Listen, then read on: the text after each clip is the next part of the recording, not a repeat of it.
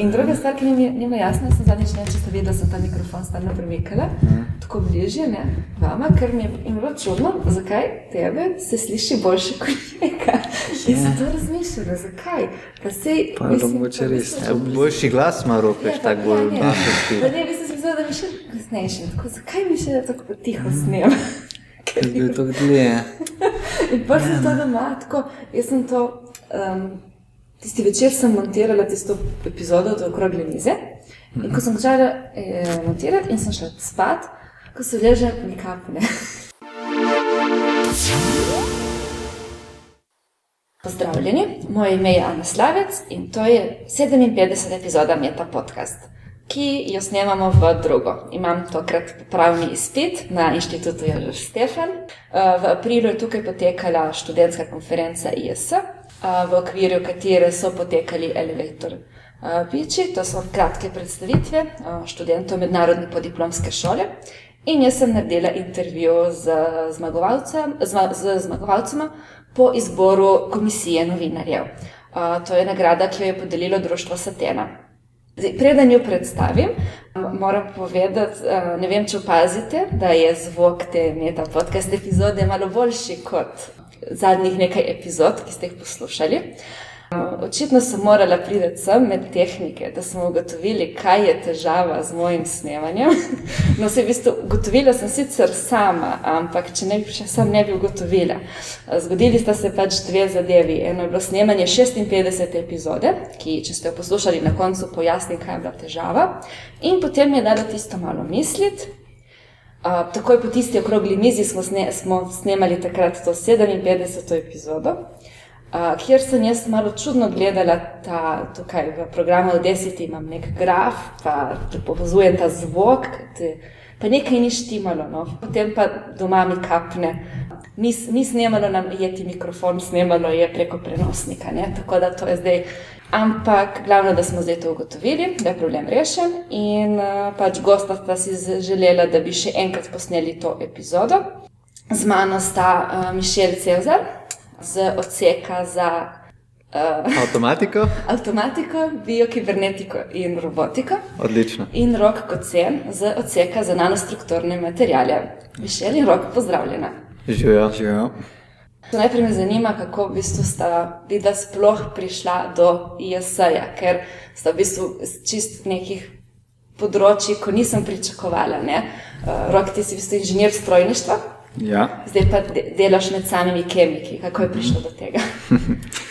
ja, jaz sem v bistvu moja, um, moj študij začel na fakulteti za strojništvo v Ljubljani.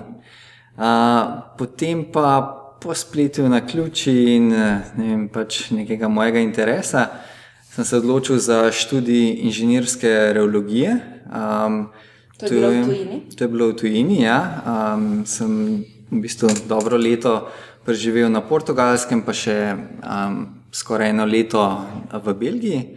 Uh, in tam sem v bistvu študiral uh, reologijo polimerov. Je, Kaj je sploh reologija? Ja, to je v bistvu mehanske lastnosti uh, plastike, um, tako enostavno rečeno. Se pravi, kako se, um, kako se odziva um, ta plastika v tekočem in trdnem stanju, in v bistvu vse vmes. Tako da recimo za vse aplikacije, kot so brizganje plastike. In, in v Sloveniji ni tega študija.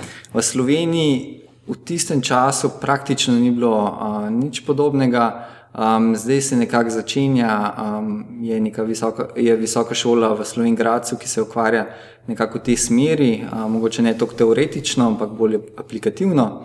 Um, ampak ja, počasi se začenja, začenja v bistvu tudi uh, študij v tej smeri. Um, tako da, ja, um, se pravi, moj magisterij sem pol zaključil v Belgiji.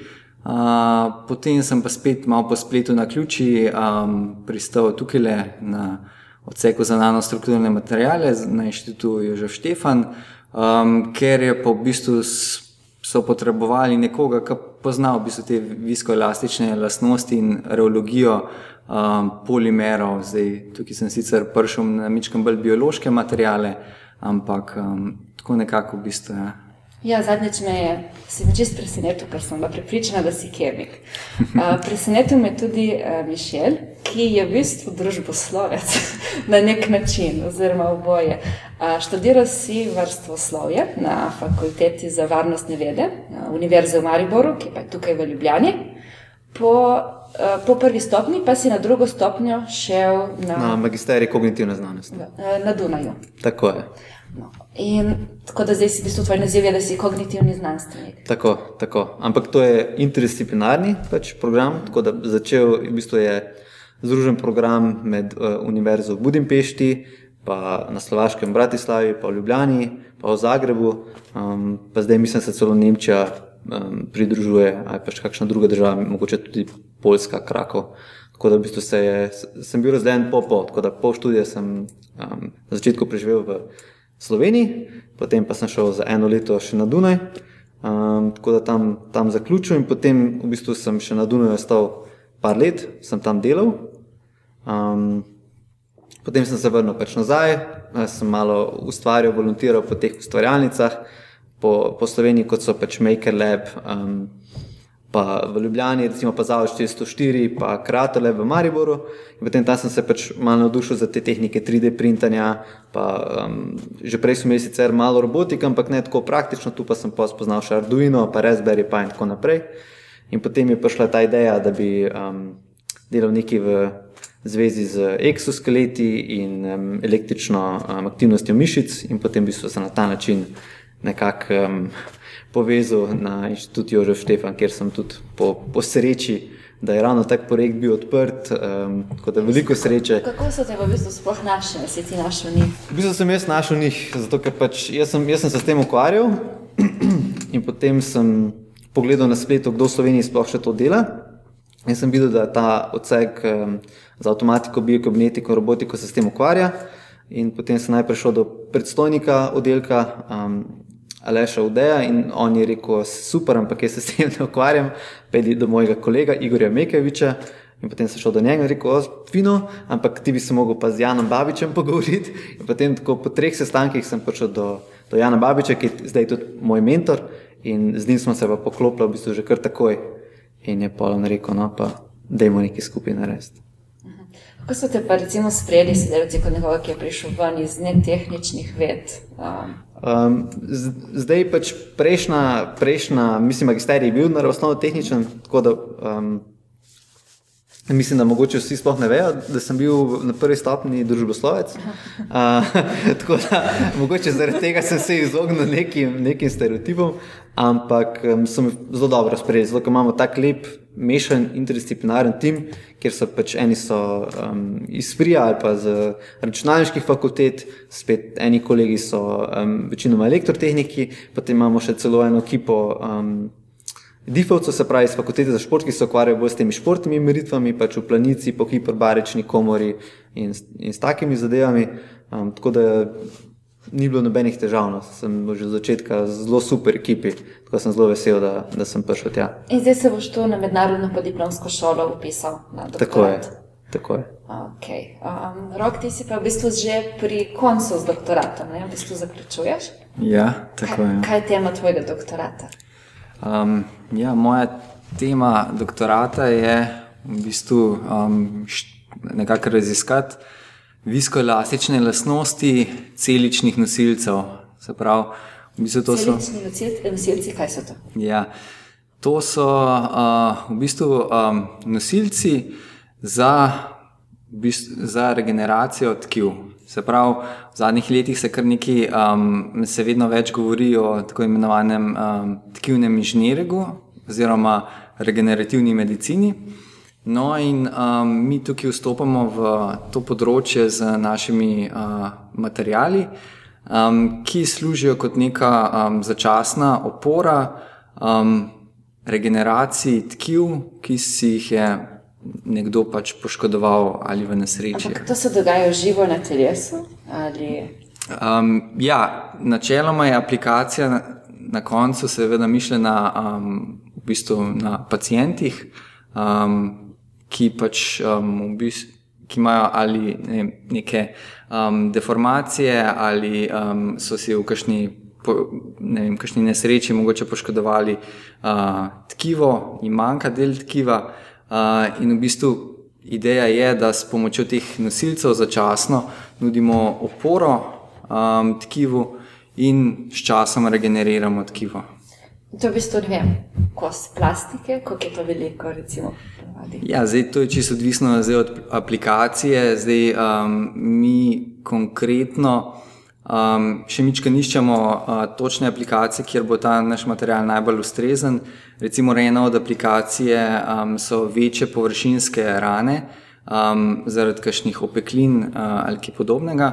Um, no, in tam je že neka metoda z zdravljenjem matičnih celic, vendar je pogosto problem, da um, naše telo v bistvu odnese te matične celice drugam iz mesta poškodbe in jih je treba zadržati na tem mestu, dokler se naše tkivo ne regenerira. No. In tukaj je v bistvu ideja, da mi te celice zadržimo na mestu um, poškodbe za nek določen čas, um, jih zato damo v ta naš nosilc uh, in s časom v bistvu novo tkivo preraste naše nosilce.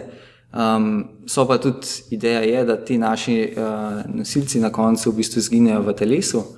Uh, in tako raz, razpadajo. Točno tako je, ja, v bistvu razpadajo v telesu, um, so iz takih naravnih materialov, uh, ki dopuščajo to, da razpadajo na, uh, v bistvu, na neke um, enostavnejše elemente, ki uh, potem ne škodujejo telesu. In to se v bistvu že delajo neke klinične študije tudi. Um, se že delajo ja, uh, na rahlo drugačnih materijalih. Um, mi se ukvarjamo z dvema materijaloma, ki se še ne uporabljata veliko. Uh, eden, to je svila, se že uporablja v določenih aplikacijah, uh, vendar ne še čisto v takih. Tako da v bistvu ti preučuješ lastnosti te svile, kakšno mora biti, da se bo uporabljal ta namen. Ja, točno tako je. Ja. Jaz imam v bistvu pokrivam bolj ta mehanski del, um, tako kot je pač moja izobrazba, se ukvarjam z mehanskimi lastnostmi uh, teh nosilcev, ker so pač neke potrebe. Uh, v bistvu bolj, uh, koliko je sam material mehak, ker je to nekako potrebno, um, ker tudi celice uh, pravijo, da celice čutijo material, na katerem so in se uh, na podlagi tega tudi razvijajo naprej v pač določena tkiva, uh, in pa pač rabijo neko trdnost, dokler imamo mi ta obliž na sebi, uh, pač potrebujejo neko rigidnost, neko trdnost, uh, zato je to pomembno. Uh, tvoja predstavitev, tvoj elevator pitch na konferenci. Um, smo si ga vsi zapomnili po uh, tistem gospodu, ki je imel težavo z ledvico. Ja. Um, pa, če sem prav razumela, mislim, bi lahko temu rekli na nek način, da gre za 3D tiskanje organov. Kako daleč ja. smo od tega, da bomo lahko tisk, 3D tiskali ledvice? Ja, seveda, govori se tudi zdaj, um, seveda, te materijale se tudi proba nekako prilagoditi, uh, da jih bomo lahko uporabljali na 3D tiskalnikih. Um, ja, ideja je pač, da se s temi materijali naredi, se pravi, celično grodje tudi za cele, cele organe. Seveda, prije še dosti drugih problemov uh, zraven tega, ampak načeloma te materijale um, se že do neke mere da uh, tiskati, um, mi pa še v bistvu raziskujemo za te naše materijale, če bi jih lahko uh, stiskali. Um, je pa seveda, da bomo pa prišli do tega, da bomo mi dobesedno natiskali organ, uh, smo še kar daleč, uh, da bomo cel organ sploh zrastel. Um, ja, je še kar potrebno še nekaj um, raziskav. Um, ni nujno, da bo to naša, ta, ta smer uh, uspela, ampak nek potencial se pa, se pa, iš, se pa vidi. No. Mišel, tvoja predstavitev pa je bila, če se spomnim, neka mehanska roka, povezava z ne vem, možgani um, in to roko lahko razdeliš.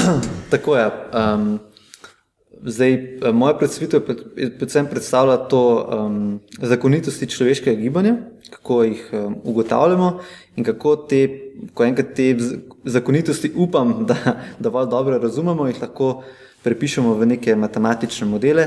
Matematiko pa, kot vemo, računalniki obvladajo, tako da potem lahko to um, vnesemo noter v um, robotske krmilnike, se pravi, pač ta algoritem, ki robota krmili, s tem dopolnimo, recimo, ali pa spremenimo. In na ta način dosežemo, da je um, robotska roka ali pa kakršni koli um, robot nam bolj komplementaren in tudi, da nam je bolj intuitiven um, za uporabo. Zato, ka, recimo, če nam je primer, um, ne vem, ljudje primajo prvič v, v roko iPhone, rečejo, koliko je, koliko je intuitiven za uporabo. Sploh se mi ni treba veliko učiti, kar, kar, kar tako je, ne? mislim, da mi je ljubši kot pa on druga. In v bistvu, kaj s tem ponovadi mislijo ljudje, je, da da ta vem, telefon recimo, ustreza njihovim um, modelom v glavi, tem vem, modelom predvidevanja, kako oni mislijo, da bi se pač ta model mogel. Um, Uporabniškega umestnika mogo obnašati, ali to z animacijami, so to barve, ki tako potekajo, in, in tako naprej. In tukaj je v bistvu podobno. Se pravi, pač ljudje smo že celo evolucijo nas je kar dobro optimizirala za, za sodelovanje z ljudmi, za gibanje v nekem fizičnem prostoru. In um, tukaj ima narava ogromno prednost in se pač mi učimo od nje, kako in kaj. In se boš s tem naprej ukvarjal tudi v disertaciji? Tako, tako um, zdaj v um, cilj našega projekta, ki se imenuje Spexor, je v bistvu izgradnja nekega uh, koncepta ali pa um, proof of concept enega hrbtnega eksoskeleta. Zdaj, eksoskelet je um, nekako si ga najlažje predstavljamo kot uh, robota, ki ga oblečemo ali ki ga nosimo. Recimo, če si predstavljamo samo uh, Iron Manovo obleko, se pravi iz filma, in pač kot eksoskelet pomeni, da imamo nek, nekaj um, zunaj sebe in potem znotraj smo pač mi. Recimo, ljudje smo naravno smo endoskeleti, kar pomeni, da imamo znotraj svoj skelet, svoje kosti in potem na teh kosteh so tkiva in mišice in tako naprej. Potem, ko so hroščke in tak lep primer um, eksoskeleto, ki imajo zunaj ta oklep in potem znotraj. Torej, organe. Torej, ti boš razvijal človeške oklepe. Lahko bi se tako reklo, sicer, um, sicer v bistvu trenutno v skicah res tako izgledajo, zato je to bolj za hrbet in v bistvu tako um, ovija lepo del hrbta. Namen pa je tega projekta predvsem zato, ker imajo recimo sploh um, um, naši pač, um, recimo temu svetovalci, so tudi podjetja kot so Audi in Airbus in tako naprej in pač njihovi delavci ogromno časa preživijo v takih nenaravnih pozah in imajo potem težave s hrbtom, jih, jih, jih boli hrbet, ne more zaradi tega v službo in tako naprej. Tako da je neka potreba tudi aktualna iz industrije, zakaj bi se moglo to narediti. To se tudi meni, po mojem, glavi nekako povezava s tvojim prvim študijem, vrstoslovje. tako, tako. Mislim, tudi, tudi tam, čeprav sem se tam bolj ukvarjal z forenzično psihologijo, čeprav tudi z varnostjo, računalniško varnostjo in tako naprej. Um, je to definitivno pač lepo, lepo, se, lepo se je navezalo. Zdaj pa tukaj, če, če smem tudi reči, dodati samo to, da kar se teh elevator pičev uh, tiče, ne se mi zdi, da nekdo, ki ima za temo uh, robotiko, recimo, ki je že, ne vem, tudi javnost mu je naredila v stugu, ker je dosti promovirati, to je tako zanimiva tema, pa še na splošno je tako malo bolj, bom rekel, temu sekse, a ne. Um, se mi zdi, da pač imam zelo veliko spoštovanja iz teh kolegov, ko so predstavili vem, iz bolj bazičnih raziskav, kot je fizika, kemija, biologija, um, ker se mi zdi, da so mogli dosti bolj kompleksne stvari predstaviti in jim je bilo dosti teže narediti to, ne vem, um, aplikativno pokazati, pa zakaj je to zanimivo. Medtem ko za nas, mi imamo že, jaz imam recimo že v izvoru aplikativni projekt in zelo lahkotno odgovorim, ja, to je pa zato, pa zato, pa zato. Medtem ko nekdo, pač, ki dela bazično znanost, pa mu čuje, zakaj pa ti to delaš, a ne imajo dosti teže nalogo, tako da pač vsaka čast um, kolegom, ko so to predstavili, so imeli pač super, super predstavitve. Ja, predstavitve so bile zelo dobre in uh, v bistvu sama sem bila tudi v komisiji in sem jih vse poslušala.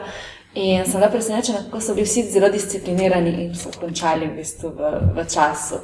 Um, Kolikor vem, ste imeli tudi nekaj, pri, nekaj priprave na to uh, predstavitev uh, skupaj z novinarji.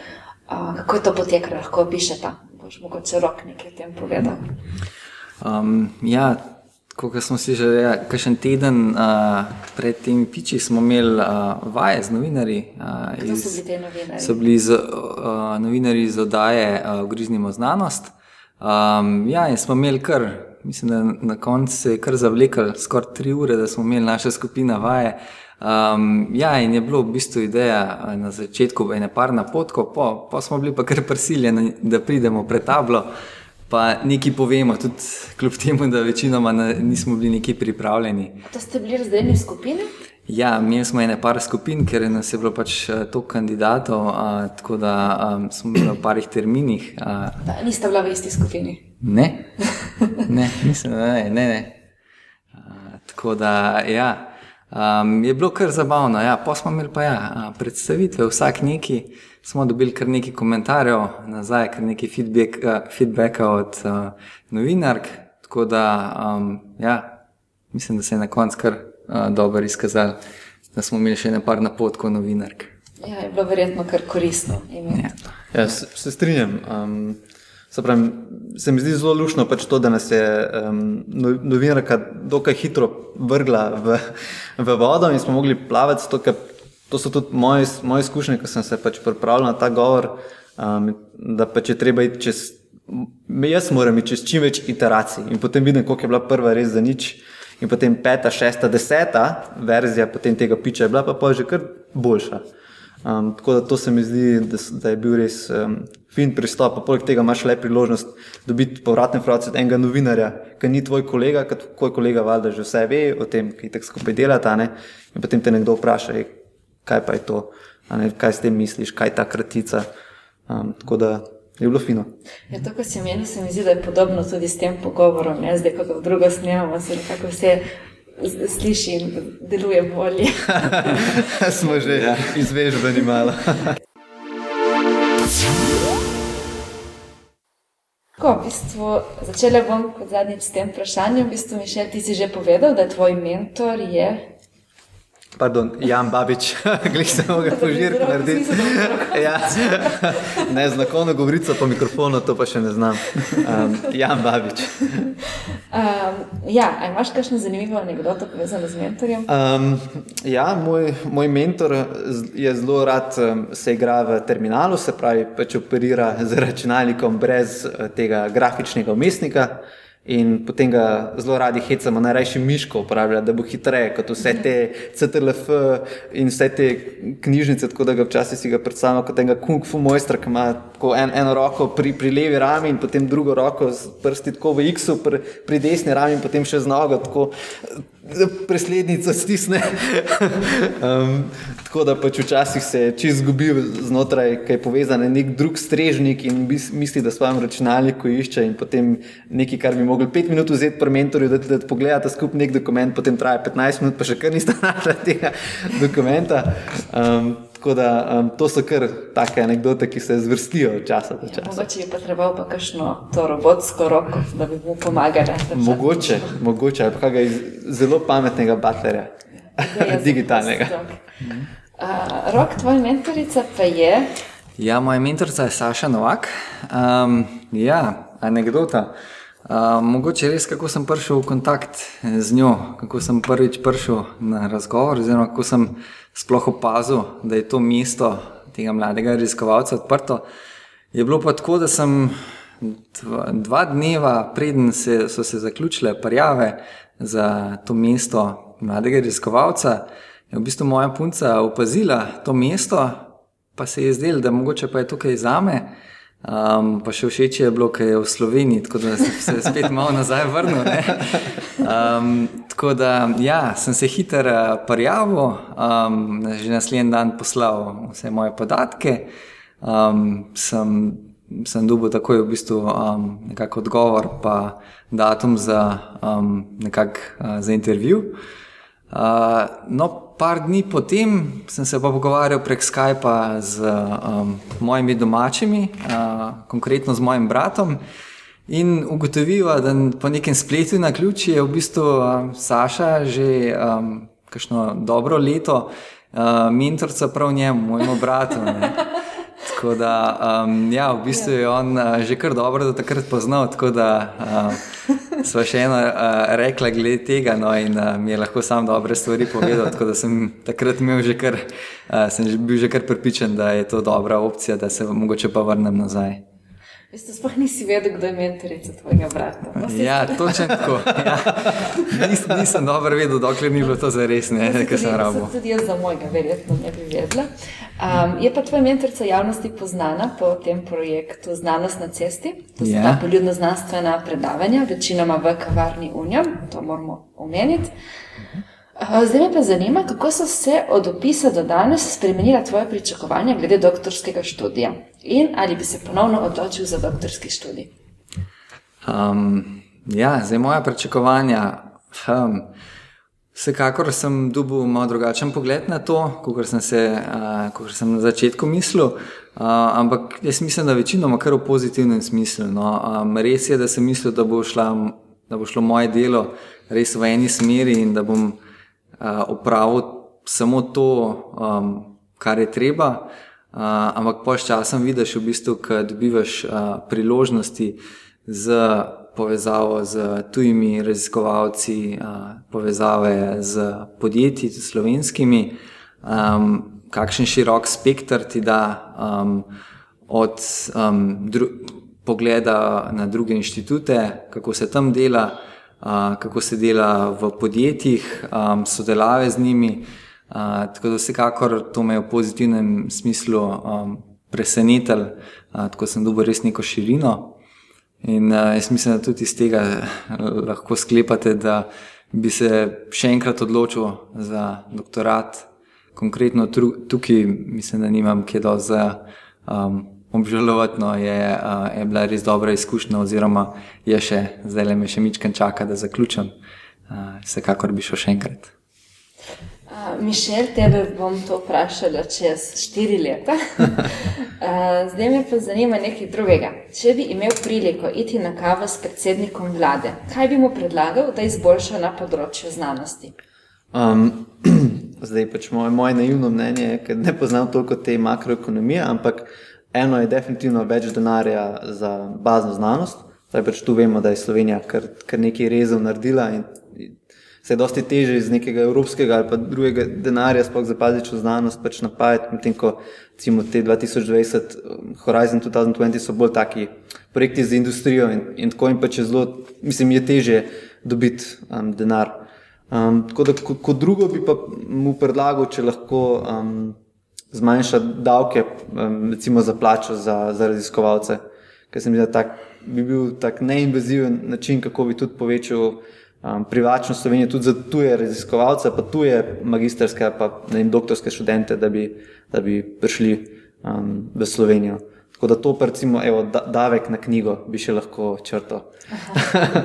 ja, sem potem nekako verjetno z manj davki, bi bilo potem manj denarja za vse. Ja, mis, mislim, da v Sloveniji žal toliko malo raziskovalcev. Um, da, mislim, da, da, da to se sploh ne bi. Mislim, da bi se to poznalo tako majhnem obsegu. Recimo, tudi, če že pogledamo, mislim, raziskovalci smo javni službenci, ampak sredstva za plače si moramo pa sami zagotoviti prek razpisov. Tako, tako da smo v bistvu tu, pa, pa, pa še pol, ko si pridobimo sami za razpise, pa dobimo nek svoj denar ali to prek ne vem, razpisov, Mariko, kakorkoli že.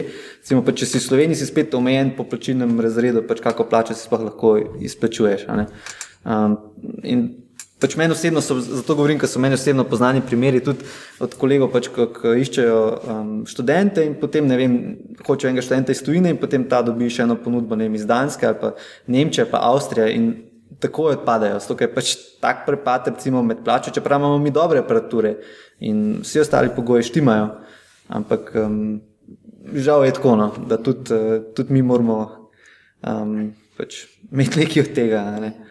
Ja, koliko je tam plača više? Trikrat. Zdaj v Avstriji je enkrat više, po mojih izkušnjah. Um, se pravi, pač tam se rabo dela 20 ur, zato pa če tle 40 ur.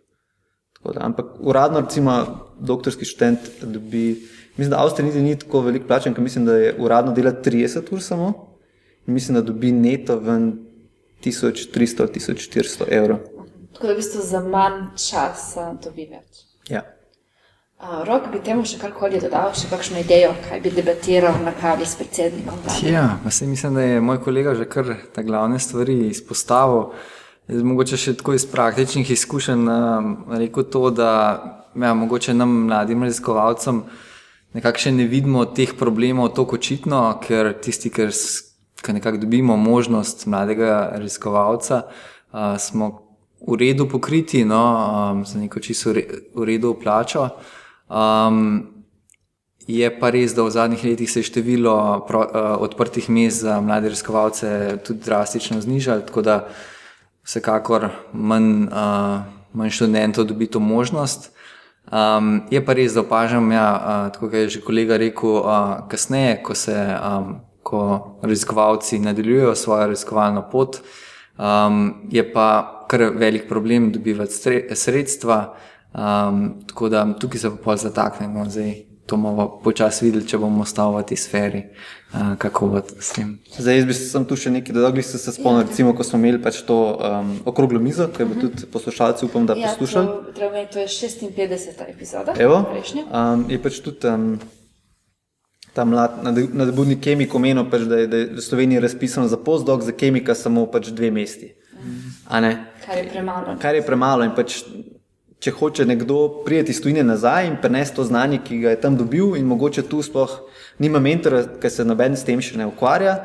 In potem, kar naenkrat, odkot sredstva, sploh če recimo, vem, se ukvarja s kemijo, pa kako tako bazno znanost. In pa tukaj, ne vem, ampak tako zgleda, da sploh nimamo ali želje, ali vizije, ali, ker mislim, da sredstva pa tukaj so, tu so sam pač prioritete.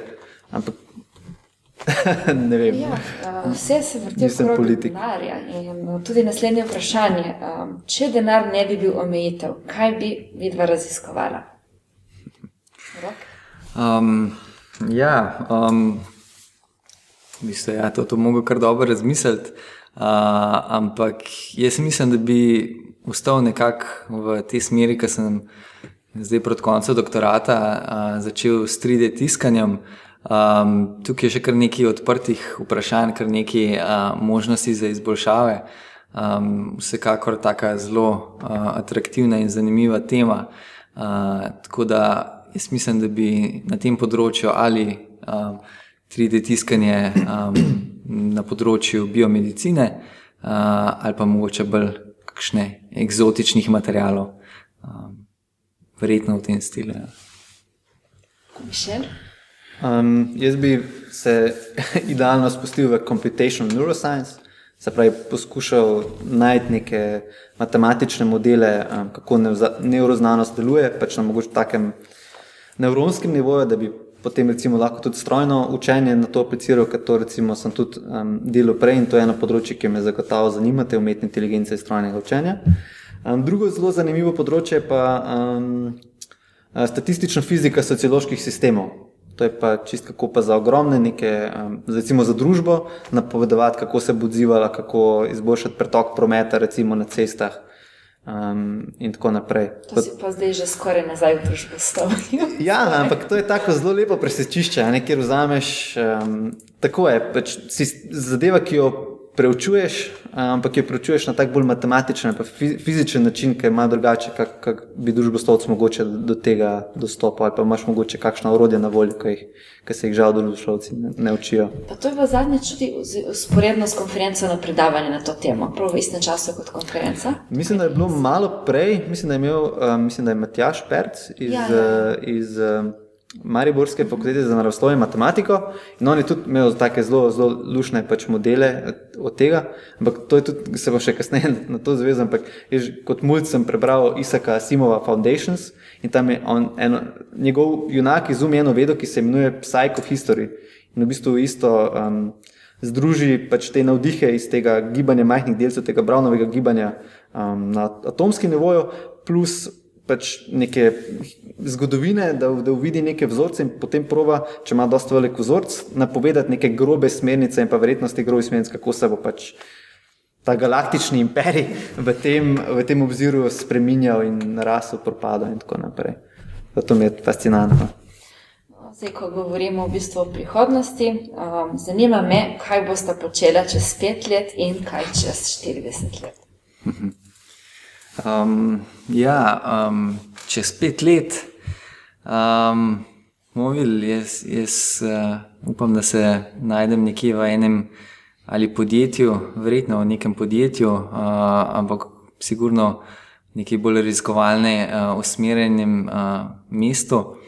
Uh, in verjetno na temo polimerov, in da nekako uporabim to znanje, ki sem ga do zdaj pridobil, um, da ga nekako apliciram v prakso. Um, To je še To vedno bo. tudi celični nosilci.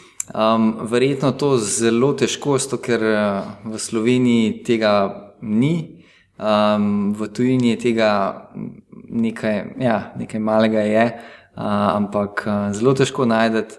Um, je pa pač to znanje prenosljivo na um, take bolj tehnične plastike in uh, tega imamo pa v Sloveniji veliko, uh, v tujini pa je ogromno tega. Danes v bistvu živimo v dobi plastike, skoraj bi rekel, uh, tako da je to zelo pomembno področje. No. Tako da vsekakor se v nečem takem vidim v bližnji prihodnosti za daleč, za 40 let, že kar malo težko rečem, um, movil, mogoče da da, da, v bistvu, da bi se začel ukvarjati nečim, um, da mi mogoče ne bi bilo potrebno uh, posvečati celega dneva samo še uh, službi, celega tedna, uh, in da bi imel v bistvu nekaj časa pa samo za svoje hobije in svoje, um, ne vem, svo, svoja, eh, za svoje hobije.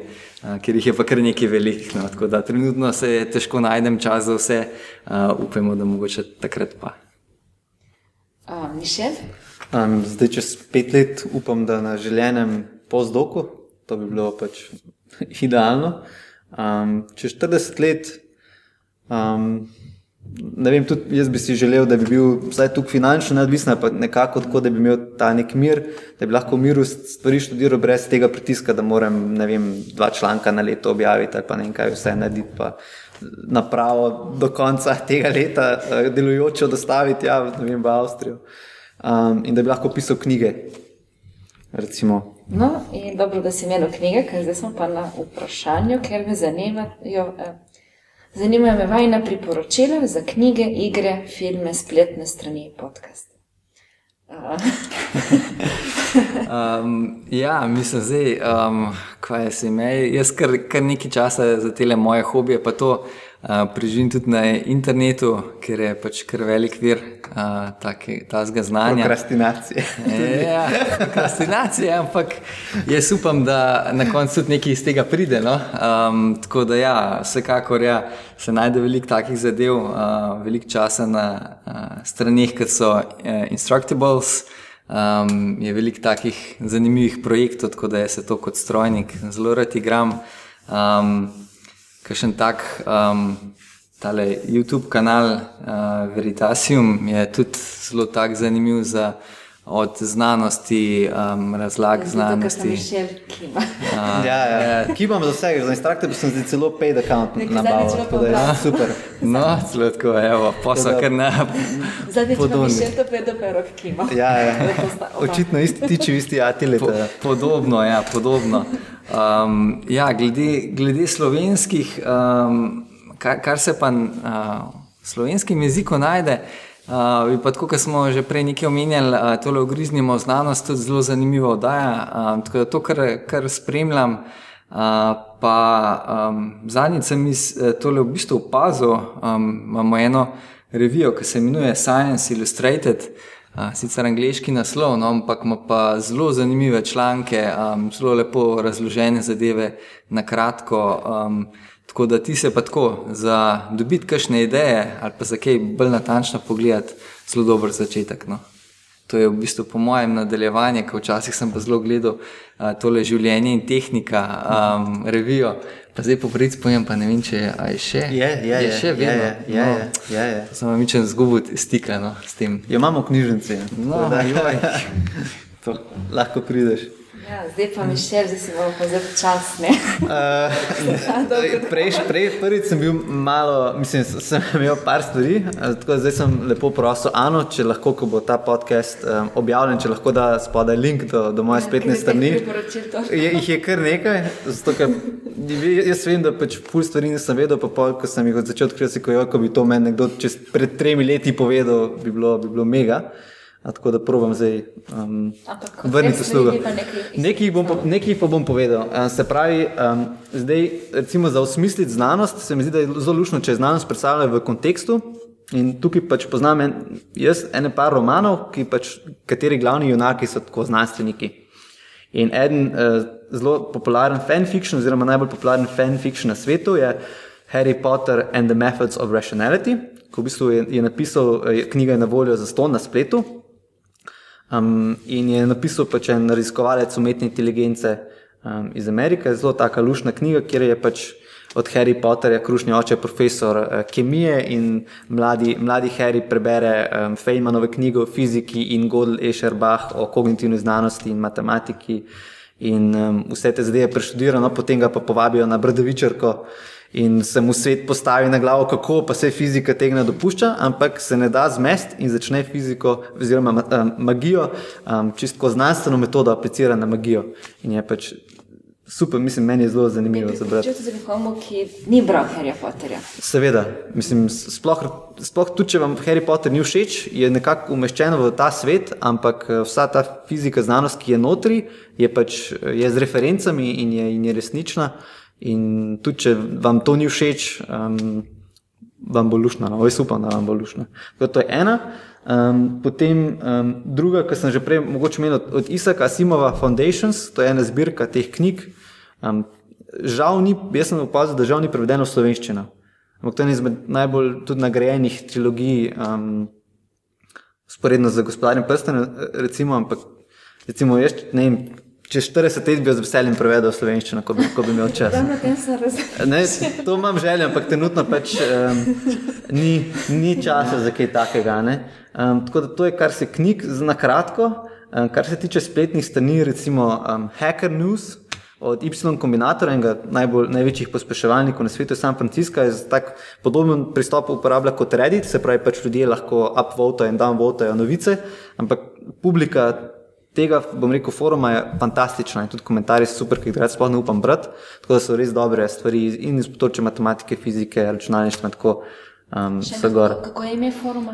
Hacker News, tako kot hacking, kot da bi pač yeah. Ja. hackerli v, v računalnik. Tako da se, če bo, um, če bo šlo noter v Google ali pa DuckDuckGo, bo zdaj našla. Tako. Potem za prokrastinacijo uporabljam uh, futurizem.com, to je tudi uh, rok, če se spomnim, zadnjič uh, kimal tam tudi vidimo, kakšne popularne zadeve iz, iz sveta znanosti, pa čemu se Elon Musk zdaj posveča. In tako naprej. Um, za hedonizem um, mi je všeč tale um, glasbeni podcast od Radia Student, recimo pač Auto Control Rock and Roll in pa um, od Captain Sola, zelo lušna oddaja. Um, kar se tiče pa filmov, um, mi je pa všeč en star film um, Doctor Strangelove, taka črna komedija, še črno-bela, mislim. Da. Um, potem ta Mars, kjer je ta glavni enak, je astronaut, pa še znanstvenik, tako da Science is awesome. In, in potem Mr. Robot, ne vem, če si gledal, mogoče rok. Ne, ja, mislim, ta ja. pr, prva sezona mi je bila zelo lušna, pa naprej ne toliko več, ampak prva sezona mi je, mi je, mi je bila kar lušna. Tako da ti lepo pove, da karkoli, kar je digitalnega, vsak računalnik se da udreti, vsak računalnik, ki je v mreži, se da udreti od kodarkoli. Tako da najbolj varna stvar je zvezek, papir, pa, pa vse, če, ne, če imate skrivnosti, za katere um, ne želite. Vse ostalo bo pa na spletni strani, ki bo, um, bo objavljena zraven podcasta. na, na kratko, v narekovajih se opravičujem poslušalcem, če sem bil predolg. ja, jaz bi pa še stvar omenila, ko smo zadnjič govorili um, o Radio Student, da si bil tudi na audiciji za, uh, za speakerja. Ne? Tako je, mislim, da sem uspešno prebredel um, tri, tri kroge audicij, potem pa sem uh, odletel. Um, sem si takrat res želel biti um, špiker in je bil ta pritisk uh, um, prevelik in sem.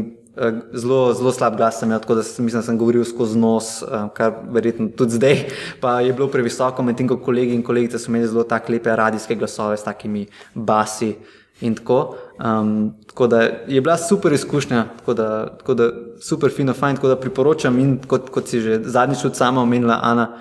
Ja, um, frekvence delešence. Tako in pa znanstvene britofe, recimo. Um, tako da lušne stvari se tam nagajajo, jaz sem imel zelo, zelo, fino, zelo fino tam.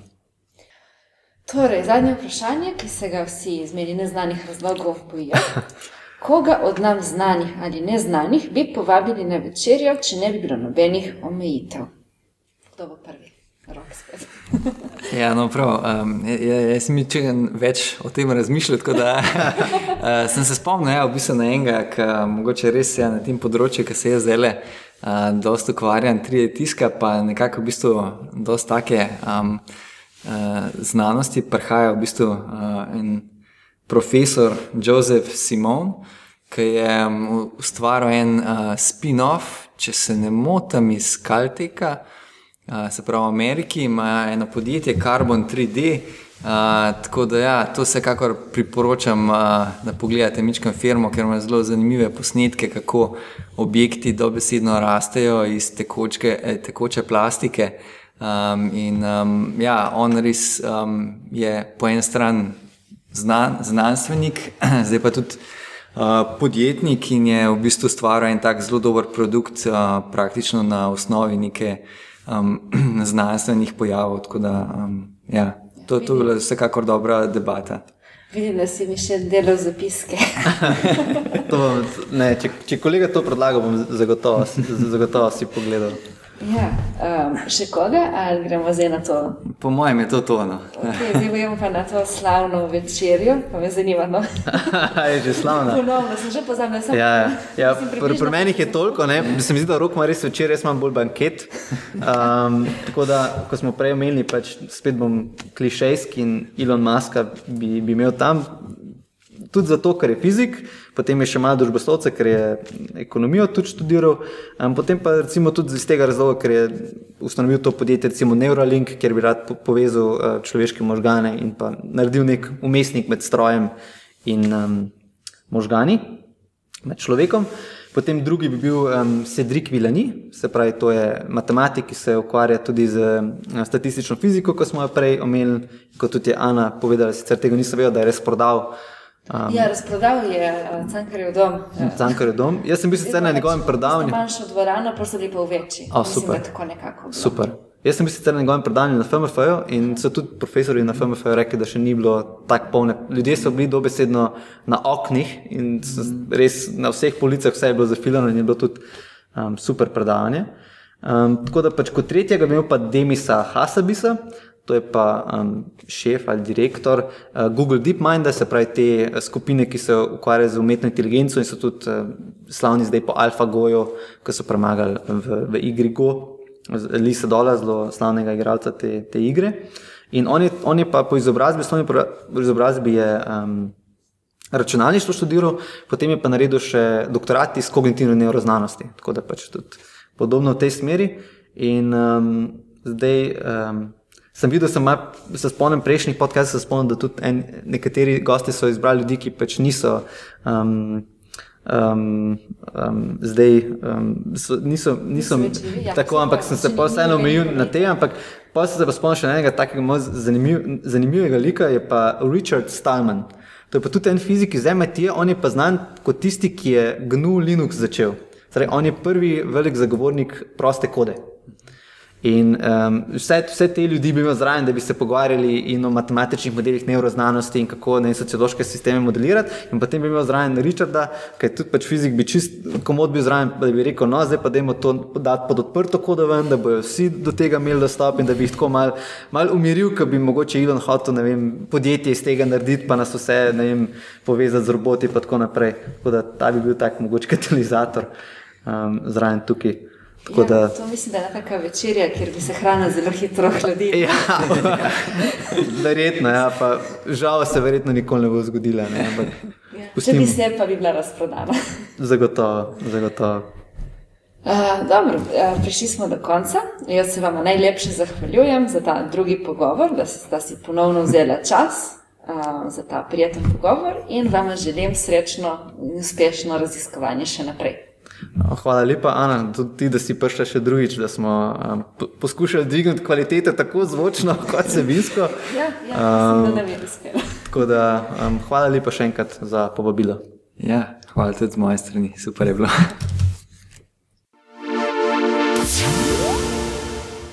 Poslušali ste Meta podcast, ki ga pripravljajo Luka Avsec in Ana Slavec oziroma začasno samo jaz. Kakorkoli, pogovarjava se z doktorskimi študenti in študentkami pred zaključkom doktorata z različnih področji znanosti. Če vam je všeč, kar počneva, naj jo lahko podprete z donacijo portalu Metina Lista, ki gostuje ta podcast, pa še veliko drugih zanimivih znanstvenih vsebin. V zahvalo boste prejeli knjigo Zanimiva, navdihujoča, uporabna, zbornik prispevkov gostov prvih dveh sezon. Na www.metina.si gostujete še dva podcasta, Metina Čali o medijih ter metamorfoza o biologiji organizmov. Za pohvale, pripombe in predloge me dobite na Twitterju, kjer sem Afna Aslavec. Vesela bom, če pri omembi uporabite hashtag metaphodcast, ko se napiše. Dobrodošli so tudi komentarji na Facebook strani Metine liste. Če teh omrežij ne uporabljate, pa uporabite elektronsko pošto znanost afna metina lista.si. To je to, se slišimo čez 14 dni.